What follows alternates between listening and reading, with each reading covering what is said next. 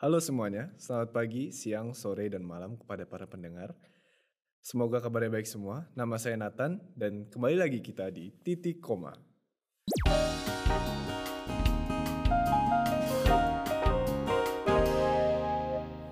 Sebuah podcast yang membahas seputar kehidupan dan experience murid-murid yang sedang kuliah di Jepang. Untuk membuka season baru Apuina TV hari ini, kita akan membahas tentang hal yang lumayan penting dan juga populer. Tema hari ini merupakan tema yang interesting dan juga sering jadi pembahasan di kalangan mahasiswa Indonesia yang kuliah di Jepang. Hal tersebut membahas mengenai JLPT test. Jadi kita akan membahas seputar tes JLPT ini langsung dari sumber paling keren kita. Without further ado, let me introduce you, Gabriel Pradipta. Ya, selamat pagi. Nama saya Gabriel Pradipta dan aku angkatan 42 dan di college-nya APM, College of International Management dan sekarang tahun kedua semester 2. Baik Gaby, um, selamat pagi sebelumnya. Um, apa kabarnya hari ini? Kabarnya baik, sehat, terus sekarang juga lagi lancar aja dan ya terima kasih juga sudah mengundang dan semoga saya bisa aku bisa share tentang experienceku tentang JLPT dan bisa berguna bagi semuanya. Oke, baiklah kalau begitu. Um, jadi nama gue Nathan nih di sini kan ya kita jadi ya santai-santai aja lah. Uh, gimana ya? Jadi kita di sini kayak ada beberapa hal yang kita pengen omongkan, terutama tentang tes JLPT inilah. Uh, level yang udah diambil sama lu atau kayak hal-hal yang kira-kira bakal menentukan kelulusan JLPT ini dan seberapa pentingkah JLPT ntar dalam uh, kalangan pas kita kerja atau saat kita lulus itu tersebut. Nah, apa mungkin audience di sini nih kayak beberapa orang yang nonton acara kita ini belum tahu juga ya apa itu JLPT, uh, eh, kepentingannya apa tersebut itu. Jadi pengen nanya dulu nih kayak JLPT itu secara dasar yang paling gampang dijelaskan tuh apa sih? Nah, jadi kan memang pasti teman-teman banyak yang pernah dengar JLPT. Apalagi kan kita kuliah di Jepang, di EPU pasti ada yang udah pernah denger, ambil JLPT apa belum? JLPT lu level berapa gitu. Jadi JLPT itu singkatan dari Japanese Language Proficiency Test, yang berarti tes untuk mengukur kemampuan bahasa Jepang. Nah untuk level JLPT itu ada dari N5 sampai N1. Dari yang paling rendah itu N5 dan paling tinggi N1. Nah untuk aku sekarang emang udah ambil sampai N1, tapi aku ambil JLPT itu dari sekitar SMA. Jadi waktu dari Indo, aku ambil N5, dan sampai sebelum ke EPU aku ambil N2. Lalu N1 baru aku ambil di Jepang pada 2021 di bulan Agustus. Jadi untuk JLPT itu sebenarnya kenapa sih orang-orang pada ambil JLPT? Kenapa kalau kuliah di kampus itu pada di Jepang pada ambil JLPT itu? Karena itu sangat gunanya ada banyak apalagi untuk mahasiswa yang di Jepang yaitu untuk ngambil beasiswa dan juga misalnya ada syukatsu atau mencari kerja itu biasanya pasti ditanyakan. Kalau misal di luar negeri mungkin ditanya untuk bahasa Inggris IELTS-nya berapa? gitu. Nah kalau JLPT itu untuk bahasa Jepangnya sih. Oh jadi seperti itu ya berarti JLPT itu uh, kasar kata bisa jadi pengganti kayak semacam IELTS-nya untuk bahasa Jepang ini ya nah dari situ tuh kayak JLPT tingkat berapa yang menurut secara general yang diterima misalnya di kampus untuk S1 lah atau S2 atau kayak pada saat Sukatsu itu mereka membutuhkan rata-rata kayak N3, N2 atau N1 kah? Bahasa. Untuk EPU sendiri selain misalnya jika pengen ada orang yang pengen masuk Japanese basis atau yang dari bahasa Jepang itu minimal N2. Terus kalau untuk kata kasarannya itu N5 tuh kayak level paling beginner banget dan N4 terus begitu masuk N3 itu kayak agak sedikit naik. Jadi kayak N4 sama N3 tuh jaraknya agak beda. Lalu dari N3 ke N2 pun beda dan N2 ke N1 yang rada mirip-mirip. Nah kalau untuk misalnya kan di mungkin teman-teman juga ada yang arubaito atau kerja part time di Jepang. Itu biasanya dikatakan kalau mau nyari mencari apa namanya part time job di Jepang dengan gampang tuh dapatnya N3. Terus kalau untuk shukatsu biasanya kira-kira N2 sampai N1 itu yang paling dibutuhkan. Dan N2 tuh lumayan minimal-minimal segitu segituan sih. I see. Jadi kalau misalnya kayak kan tadi disebut tuh apa namanya kayak ada gap yang sangat tinggi dibanding N3 ke N2 dan gap yang lumayan kecil juga dari N2 ke N1 kan tadi ya. Itu kayak apakah hal itu signifikan? Kayak apa lu membutuhkan butuh waktu belajar yang lebih banyak untuk belajar N2 dibanding N3 atau kayak perbedaan dari soalnya teknisnya dari yang itu punya JLPT itu kayak gimana tuh ada perbedaannya nggak ya? Untuk tes JLPT itu perbedaannya semisal kalau kita di APU kan ada Japanese Foundation gitu. Hmm. Kalau semisal kita selesain sampai Japanese Intermediate itu seharusnya secara umum bisa ambil sampai N3. Jadi untuk pertama tuh yang paling penting gra- N5 N4 tuh grammar Hmm. dan juga vocabulary. Dan mulai N3 baru kayak harus menguatin bagian kanji-kanjinya gitu. Hmm. Nah baru N2 itu sudah mulai kayak kata-kata yang ada di koran atau di novel. Hmm. Jadi ya kayak lebih pendalaman. Jadi kalau N5 sampai N3 itu kayak cuma secara umum aja sih. Hmm. Kayak bahasa Jepang sehari-hari. Oke, oke. Em, mungkin kan kalau misalnya murid-murid di APU nih kayaknya udah pernah dengar juga kayak courses-courses Japanese nih ada banyak juga nih kayak mulai dari intermediate, pre-advance, advance. Nah setelah advance itu kan dijerumuskan jadi kayak dua sisi gitu bercabang. Ada yang cabang di bisnis apa? Bisnis Japanese, ada yang cabangnya ke Japanese in general yang lebih advance lagi. Nah itu kalau dari rekomendasi Gaby sendiri kayak apakah ada kelas yang kira-kira akan membantu untuk eh, kita mengambil JLPT preparasi kita sebelum kita mengambil tes itu. Untuk mengambil JLPT itu kelas yang paling penting menurut aku yang pasti kelarin selesain yang kelas-kelas bahasa Jepang dari APU itu sangat membantu karena selain juga untuk vocabulary dan juga kayak sehari-hari itu bakal membantu sangat JLPT. Hmm. Dan JLPT itu emang banyak apalagi kalau udah mulai N2 emang kanjinya tuh banyak banget. Yang bahkan untuk kayak orang luar negeri kayak kita, orang Indo atau orang-orang internasional lain Hmm. itu susah ngapalinnya apalagi kan kanjinya ada ribuan. Hmm. Itu biasanya kayak tips and tricksnya tuh apalin grammar sama kayak sambung-sambung kalimatnya. Hmm. Jadi kayak kira-kira di kalimatnya pertama ada kalimat apa kedua jika kita tahu arti kalimat lainnya selain yang kanjinya walaupun nggak bisa baca tuh kayak bisa prediksi oh kira-kira ini kayak gini kayak gini gitu. Hmm. Jadi yang pasti ya lebih tingkatin kayak hmm, daily life conversationnya aja sih. I see. Tapi kalau untuk Gaby sendiri ada kayak semacam personal use of that JLPT sendiri nggak? Kayak digunakan di tempat apa atau gimana? Untuk aku JLPT sementara emang dipakainya cuma kayak misalnya daftar beasiswa. Hmm. Itu kadang ada minimal walaupun biasanya kalau untuk international students itu bukan requirement, Hmm. tapi kayak hanya opsi yang lebih membantu. Hmm. Kayak opsi tambahan gitu. Kalau Hmm. misalnya punya JLPT bakal dilihat lebih bagus. Apalagi kalau di Jepang kan bahasanya emang beda dari negara lain kayak nggak ada yang mainly English. Hmm. Jadi kalau punya JLPT itu kayak kamu bakal dianggap, kita tuh bakal dianggap oh bisa bahasa Jepang, Hmm. bisa lebih paham terus kayak bisa lebih ngerti tentang budaya Jepang gitu.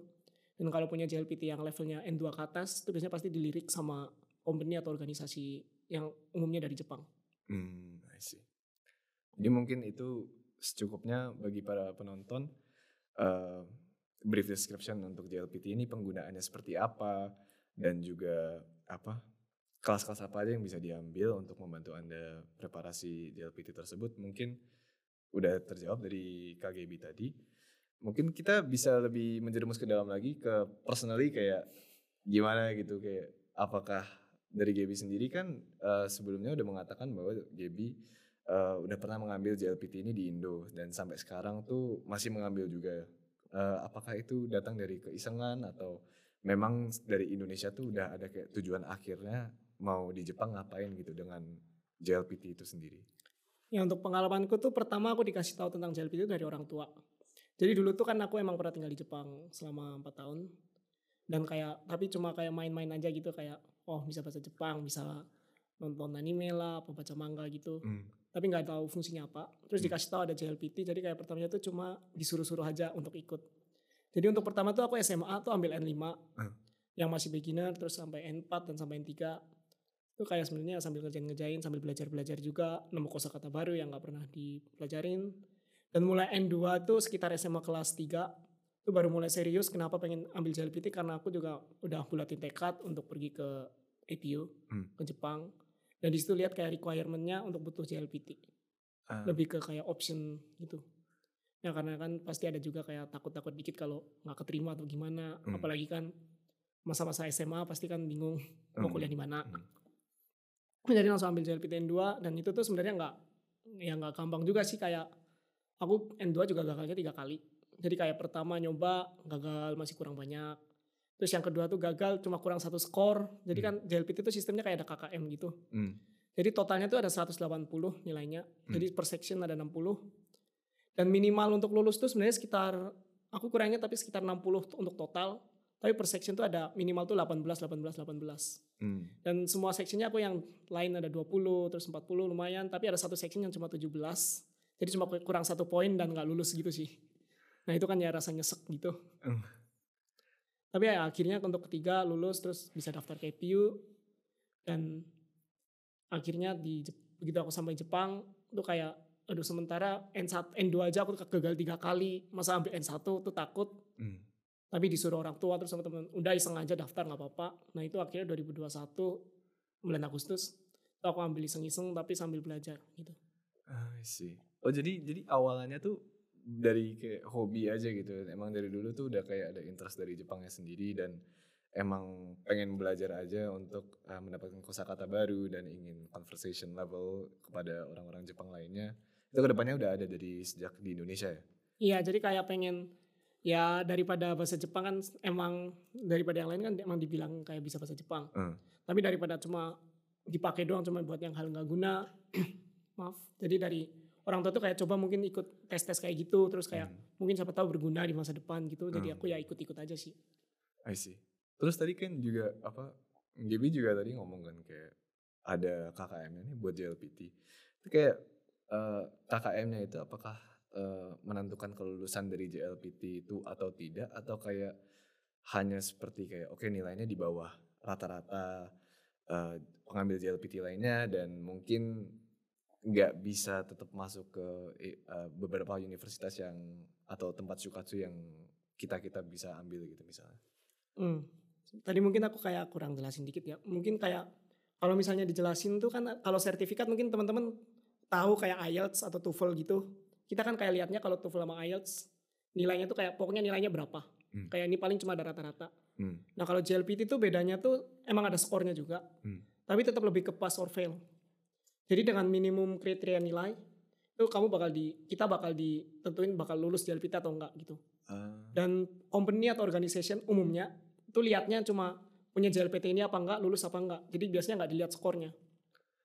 oh jadi company dan apa kuliahan-kuliahan lain tuh hanya melihat kayak kita pass or fail di segmen mana-mana aja, da- tapi nggak ngelihat kayak nilainya mau maksimum mau enggak itu nggak dilihat ya.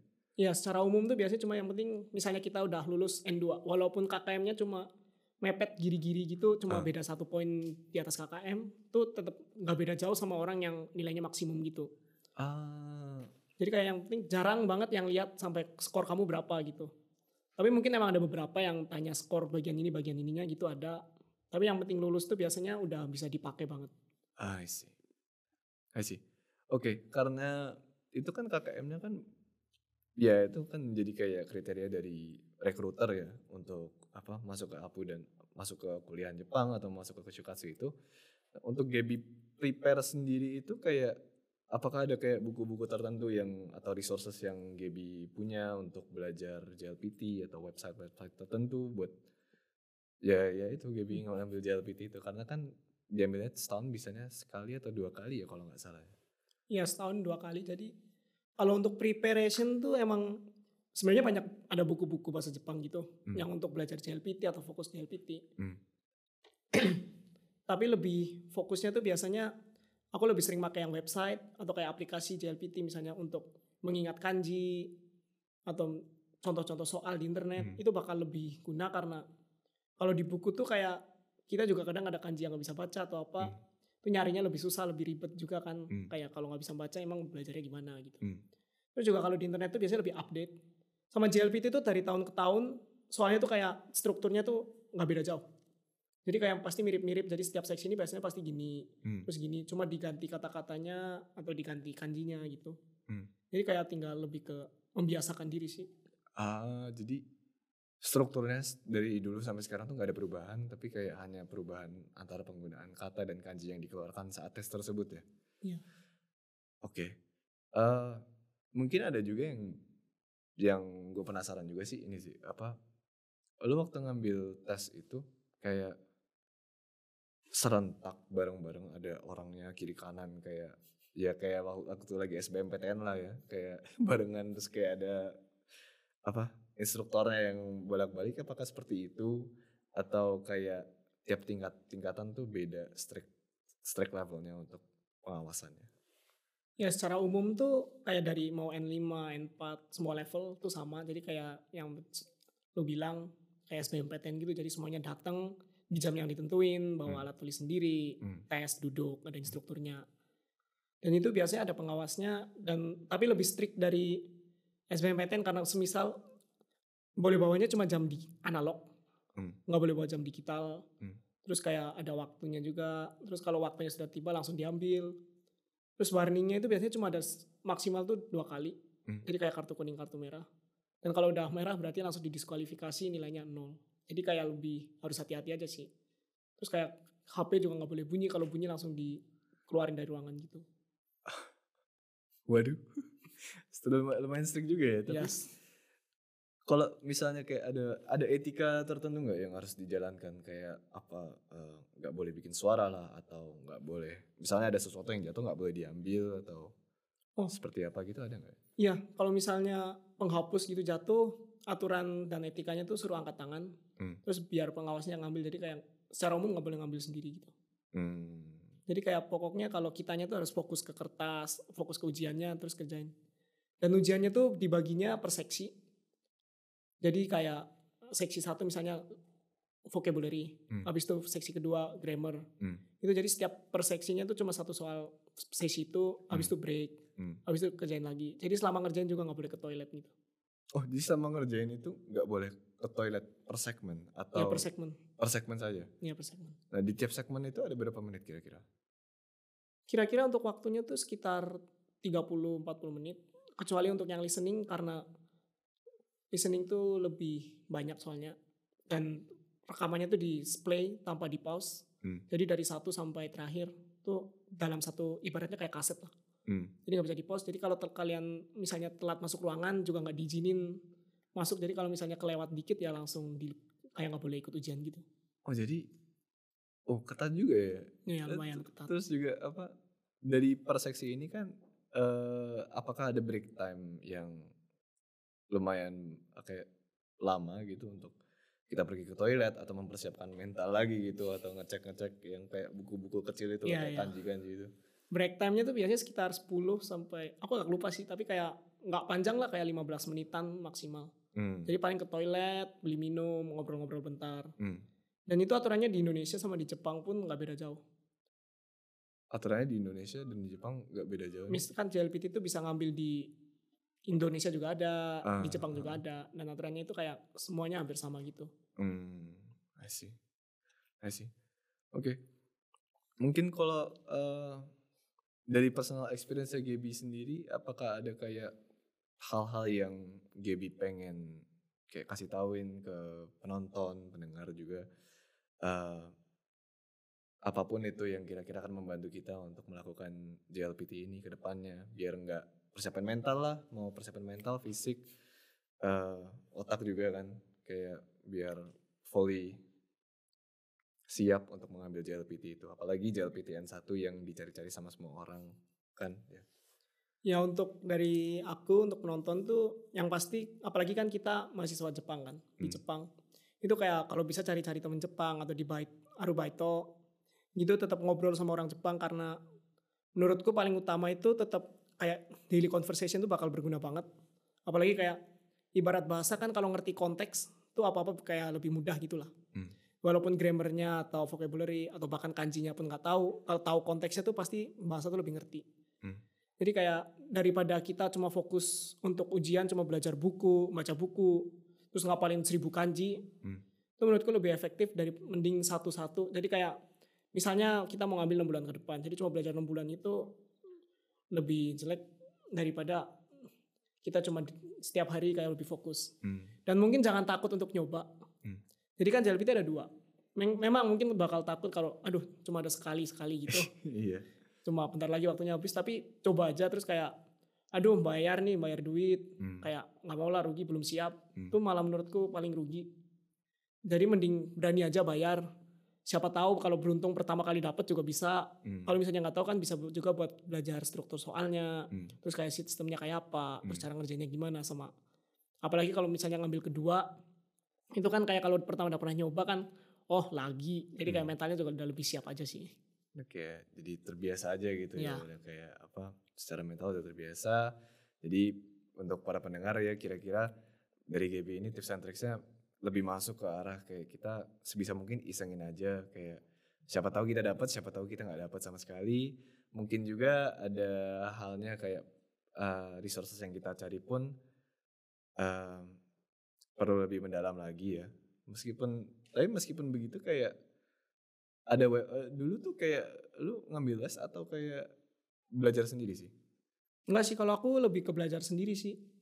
Kayak emang ada les-lesan untuk bahasa Jepang tapi kayak nggak ter, bukan nggak tertarik ya kayak ya lebih ah, rada mager-mager juga apalagi kan belajar sendiri aja udah capek masa Hmm, suruh hmm, lebih ke have fun aja sih kalau mau belajar gitu.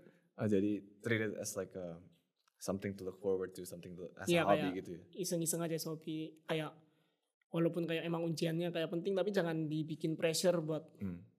apa buat belajar aduh demi sukatsu demi beasiswa Hmm. dapat gitu kan malah ke pressure ya ibarat kayak kuliah kayak kita cuma tugas buat deadline kan malah hasilnya nggak bagus kan malah Hmm. capek doang stres Hmm. jadi kayak udah dibawa aja terus misalnya oh ngomong bahasa Jepang terus kayak punya teman Jepang Hmm. ngobrol eh ada tesnya sekalian lah iseng-iseng nyoba Hmm. Hmm. kalau beruntung ya dapat kalau nggak ya coba lagi gitu Hmm. Oke oke. Do you um, berdasarkan dari itu semua yang kita udah omongkan semua ini, do you recommend um, DJLPT takers ini untuk uh, melakukan hal-hal tertentu seperti kayak punya teman Jepang yang bisa diajak kaiwa khusus untuk ya listening itu apa? Ada percakapan juga kan ya di JLPT itu? oh nggak ada adanya cuma listening tapi listeningnya Oh. lebih ke banyak yang soal kayak menjebak gitu sih jadi kalau misalnya nggak ngerti kon nggak ngerti konteksnya atau kurang bisa dengerin Hmm. jadi kayak pengalaman teman-temanku kalau emang jago denger listening tapi biasanya sering kejebak sama soal jebakannya gitu Hmm. Jadi karena walaupun ngomongnya apa jelas tapi kalau konteksnya kurang paham itu kayak lebih kayak penerapannya beda Hmm. dan listeningnya tuh lebih ke daily conversation jadi lebih gampang kalau misalnya kita punya ya terbiasa ngobrol bahasa Jepang gitu sih Hmm, I see. Oke. Ya baik, jadi em, ada resources tertentu yang kira-kira bisa GB rekomendasi dari personal use GB sendiri dulu kayak apakah ada buku dan apa namanya website tertentu. Maaf ini diulang lagi pertanyaannya Ya, karena nggak apa-apa. kayaknya sebelumnya kurang masuk di gue juga gitu loh. Hmm. Jadi kayak gue pengen ngambil JLPT tadi gue masih nggak ngerti apa belajar dari mana dan eh, karena butuh duit juga kan gue nggak mau keluar duit buat ngambil mentoring dari orang atau gimana gitu. Punya teman Jepang pun juga oke gitu loh. Cuman kan uh, most of the time rata-rata orang Jepang sendiri kan seperti yang kita semua tahu itu em, nggak juga terlalu tahu beberapa kanji-kanji yang susah, especially in like certain business atau ed- uh, tem- apa bidang-bidang tertentu gitu yang mereka nggak belum ambil itu kan masih susah tuh. Jadi kayak boleh. jadi kalau untuk lagi. resource resource kan kayak kalau kanji emang susah Hmm. apalagi daripada beli buku menurutku kayak mending download di aplikasi-aplikasi kayak ya Play Store atau Hmm. App Store gratis. gratis itu ada banyak. Jadi itu modelnya tuh aplikasinya kayak kanji for JLPT gitu. Aku Hmm. juga lupa sih namanya tapi cari aja pasti ada. Itu jadi kayak per N5 biasanya kanji yang keluar sering keluar apa sering keluar apa. Terus itu kayak modelnya tuh kayak flashcard terus di drill nanti tanyanya kayak apa. Terus mungkin juga sambil iseng-iseng terus cari website. Di internet juga banyak ada soal-soal contoh JLPT Hmm. kayak harus example Hmm. question gitu. Itu mungkin dicoba-coba. Hmm. Kalau untuk vocabulary gitu terus ingat juga kayak yang belajar-belajar kelas-kelas bahasa Jepang yang kita Mhm. belajar dari APU pun itu juga banyak yang keluar. Dan mungkin sambil main-main apa mungkin kalau misalnya lu suka drama Jepang apa ini gitu juga ditonton aja buat latihan listening. Hmm. Kan itu banyak juga yang bisa dipelajarin kalau misalnya terbiasa. Hmm. Mungkin kalau mau lebih iseng lagi setting HP atau apa dijadiin bahasa Jepang biar terbiasa ngeliat kanji-kanji Jepang apa-apa gitu. Semisal lagi fokus banget tuh diubah aja semuanya Jepang. Ya, gitu di, sih. di awal pasti susah banget sih kalau misalnya diganti ke Jepang gitu jadi bingung sendiri pangling gitu kan. Iya kan, tapi kalau terbiasa semuanya kan bahasa kan. Hmm. Kalau bahasa tuh daripada dipaksa beda sama apa report atau kayak analisis gitu kan pasti Hmm. ada jawabannya kalau nggak bisa dicari. Hmm. Kalau bahasa kan emang udah pasti, tapi semua orang kayak beda-beda gitu, Hmm. lebih dinamis. Jadi kayak lebih membiasakan diri terhadap bahasa itu sih menurutku. Hmm, oke. Untuk ya mungkin itu aja sih. Sebagai point of reference nih, eh ini kan Gaby sekarang N1 ya, udah mengambil N1. Nah itu diambil tuh sekitar tahun berapa ya? Terakhir kali itu? Nah tadi 2021 Agustus. 2021 Agustus ya. Nah itu kan Gaby udah di Jepang nih pasti ya. Dari situ kayak ada kegagalan nggak mengambil N1 dan apa untuk overcome that kegagalan itu apakah ada perubahan dari cara belajar Gaby atau kayak sesuatu yang Gaby tambahan? Kalau untuk kegagalan tuh, kalau N1 sebenarnya aku pertama kali langsung dapat. Hmm. Oh, Jadi pertamanya tuh sebenarnya iseng-iseng mau daftar kayak disuruh temen sama orang tua. aha. Tapi kalau yang kegagalan N2 tuh aku gagal yang tadi aku ceritain gagal Hmm. tiga kali. Mungkin yang pertama emang kayak ngeremehin jadi kayak ah bisa lah baca-baca dikit. hmm. Tapi biarpun aku bilang tadi kayak ya dibiasain nanti kalau bisa biasa sama bahasa Jepang Hmm. pasti bisa lah gitu. Hmm. Tapi ya jangan terlalu meremehin juga. Hmm. Jadi lebih ke cara belajarku tuh yang berubah. Kenapa bisa lebih bisa tuh tetap lebih fokus misalnya yang bagian gagal apa, Hmm. paling bagian yang lemah apa, bagian yang ja- jago apa. Nah ini yang pentingnya kayak trial and error. Kan aku bilang tadi kayak nggak usah takut nyoba buat tahu soalnya. Hmm. Terus selain buat tahu paham soalnya juga tahu di mana yang kita sering gagal gitu. Hmm. Jadi walaupun kita gagal, tuh nilainya kan tetap keluar. Hmm. Jadi bisa tahu yang di mana di bawah KKM, mana yang Hmm. perlu dibenerin. Terus sebenarnya kita udah lulus apa belum di yang lain. Hmm. Itu ya dianalisis. Misalnya kita vocabulary-nya jago, Hmm. kan orang beda-beda lah ya. Hmm. Nah kalau kebenaran di bagian aku tuh yang bagian grammarnya yang lumayan tinggi. Hmm. Jadi kalau bagian itu udah bagus ya kayak lebih di fokusnya nggak usah terlalu fokus saja. Jadi misalnya sebelumnya 40 itu ya udah kita kayak nggak usah aim for the high. Tapi kan aku yang kurang tuh kayak reading. Hmm. Kan reading banyak kanji dan aku lemah di kanji. Hmm. Hmm. Itu kurang KKM tuh lebih fokus ke apalin kanji-kanjinya. Lebih ya pot strength itulah di Hmm. situ. Jadi semisal walaupun di soal, soal selanjutnya itu kayak ada yang sebelumnya tinggi kok lebih kurang dikit. Hmm. Tapi kalau yang di bawah KKM bisa naik, itu malah lebih lulus daripada kayak sebelumnya. Karena KKM-nya JLPT itu total sama per segmen gitu. Hmm, I see. Tapi kalau misalnya kayak kan ada kasus-kasus juga nih, kasus-kasus tertentu di mana kalau kita memfokus ke satu segmen saja itu kan eh, ada juga yang kita ntar lupa-lupa lagi sama segmen yang lainnya itu untuk membalance hal itu tuh kayak apakah ada kayak tips-tips yang KGB bisa beri ke kita? Kalau itu sih kayak lebih ke priority order aja. Kayak misalnya sebelumnya kita 25, 25, 25. Kan segmennya itu ada 4. Hmm, Nah terus kita misalnya 25%, 25%. Mungkin bisa yang udah jago banget. Kayak yang udah tinggi lah nilainya. hmm, Itu mungkin kita bisa korbanin. bisa dikorbanin dikit misalnya diturunin effortnya jadi 10%. iya. Jadi biar tetap yang sebelumnya bisa di maintain kayak yang kita udah tahu. Hmm, Terus yang misalnya kita belum tahu baru di effortnya ditinggiin jadi biar lebih fokus. Jadi kayak ibarat yang nilainya kurang tuh ditinggiin, yang nilainya udah tinggi turunin dikit banget sebisa mungkin di maintain. hmm, Tapi kalau misalnya terus terpaksanya tuh turun dikit ya nggak masalah gitu karena tetap lulus gitu.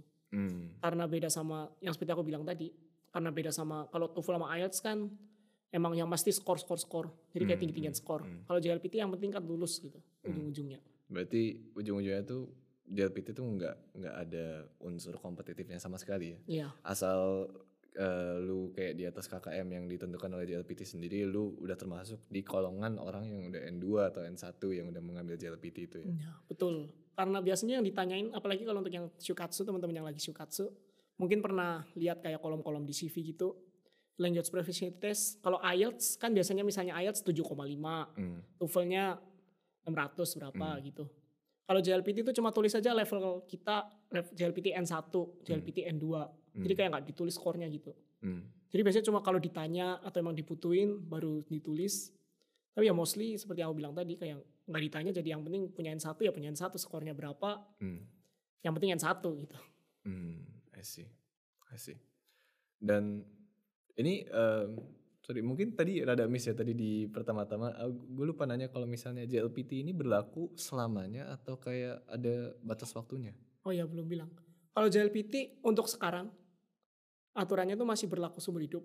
Jadi asal kita punya JLPT itu mau sampai sudah tua Hmm. ya tetap statusnya punya.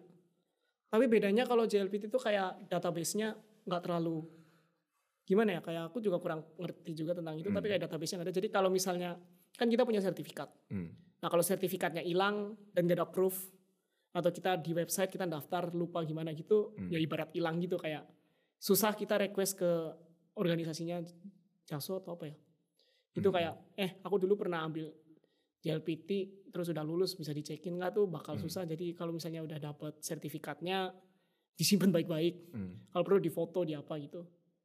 Terus ya tapi seumur hidup sih. Cuma beberapa company atau organisasi ada yang JLPT taken in 5 years atau 3 Hmm, years hmm. atau recently.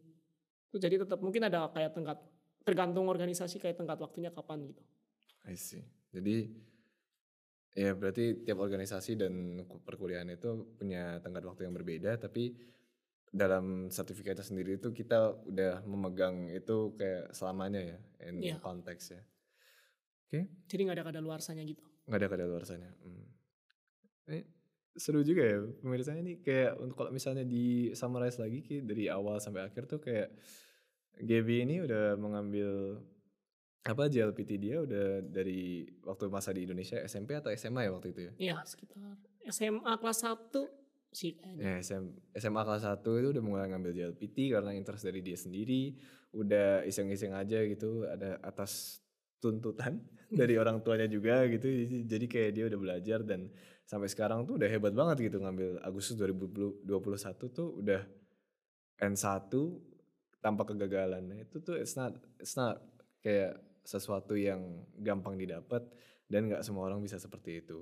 Dan juga khusus di tengah-tengahnya itu ada pembahasan juga antara kayak apa sih JLPT itu yang sudah dijelaskan dibagi eh, ke beberapa segmen dan yang paling penting adalah nggak ada vocabulary segmen itu eh bukan vocabulary ya eh speaking ya? Oh iya. nggak nggak ada speaking. segmen itu dibanding dari itu nah dan di dalam itu juga kayak mungkin pengawasannya kalau dibanding sama kita kita yang udah pernah mengambil IELTS, TOEFL dan lain-lainnya itu pengawasannya lebih strict di JLPT karena kalau IELTS dan TOEFL kan udah ada yang CBT yang udah ngambil komputer dan lain-lain. Tapi JLPT ini lebih mengambil ke arah eh ini ya tulis tangan dan juga ya membawa alat alat apa? Iya. Pen pensil sendiri Oh iya dan untuk apa nambahin satu semua soal JLPT itu pilihan ganda. Jadi kayak misalnya kita bingung atau apa dan beneran nggak tahu nunding isi semua karena nggak ada deduction point. Ah. Jadi kalau salah pun tetap nol nggak minus. Jadi Oh. tetap bisa kayak tebak-tebak dikit gitu. Oh jadi kalau misalnya nggak ngisi malah malah nggak apa-apa gitu ya? Oh malah lebih baik isi semua gitu. Oh malah lebih baik isi semuanya. Oh, karena nggak ada minus point. Iya, mohon maaf. Eh, mungkin untuk ya dari dalamnya itu ya bisa cap cip cup aja lah Iya. mungkin ya. Kalau misalnya namanya ujian kan orang kepepet gitu. Hmm, hmm, Ya tinggal cap cip cup gitu satu dua nggak apa-apa Hmm. lah. Oke. Untuk eh, karena ya kira-kira pertanyaan dari gue sih udah selesai aja sih. Gue juga kayak so far udah jadi makin ngerti soal JLPT, segmennya gimana, cara pengambilannya gimana, dan tips and tricks dari KGB itu sangat membantu. Untuk closingnya mungkin dari para penonton, terima kasih sudah mendengarkan kepada acara titik koma kita. Em, semoga apa yang kita bahas di sini tuh udah berfungsi banget ya ke depannya bagi yang pengen ngambil JLPT ataupun pengen shukatsu di Jepang dan kuliah di Jepang itu bisa consider ngambil JLPT berdasarkan yang telah dijelaskan oleh KGB. Oke, mungkin dari apa KGB eh, tips and tricksnya yang sudah sangat membantu dan brief JLPT description-nya itu eh, dapat membantu penonton kita yang eh, mungkin interested juga ya dalam mengambil apa JLPT ke depannya dan mau pakai itu sebagai shukatsu karena itu sertifikat stays in in your life forever gitu loh. Jadi mungkin that's all for today. Terima kasih KGB udah datang ke Ya terima kasih kita. juga Kak Nathan yang udah ngundang terus dari Apina TV dan juga penonton podcast titik koma. Semoga semua yang aku kasih tahu sedikit-sedikit mungkin bisa membantu semuanya yang pengen ambil JLPT. Dan juga pastikan kalau kalian yang udah sampai Jepang gitu manfaatin kesempatan itu buat improve your Japanese language. Hmm. Tingkatin terus juga tetap belajar terus dan mungkin selain aku juga pasti banyak senpai-senpai yang pernah ambil JLPT tanya aja banyak tanya ke mereka biar bisa belajar lebih banyak aja gitu sih semangat juga untuk yang mau ambil JLPT semoga sukses Hmm. dan jangan pernah takut untuk nyoba. Terima kasih atas kata penutupnya Kak Gibi, sangat inspiratif ya kawan-kawan. Um, jangan lupa like, comment, subscribe dan uh, ya subscribe ke channel Apuina TV ini and stay tune untuk episode up, uh, titik koma berikut berikutnya. Sampai jumpa. Bye bye. Apuina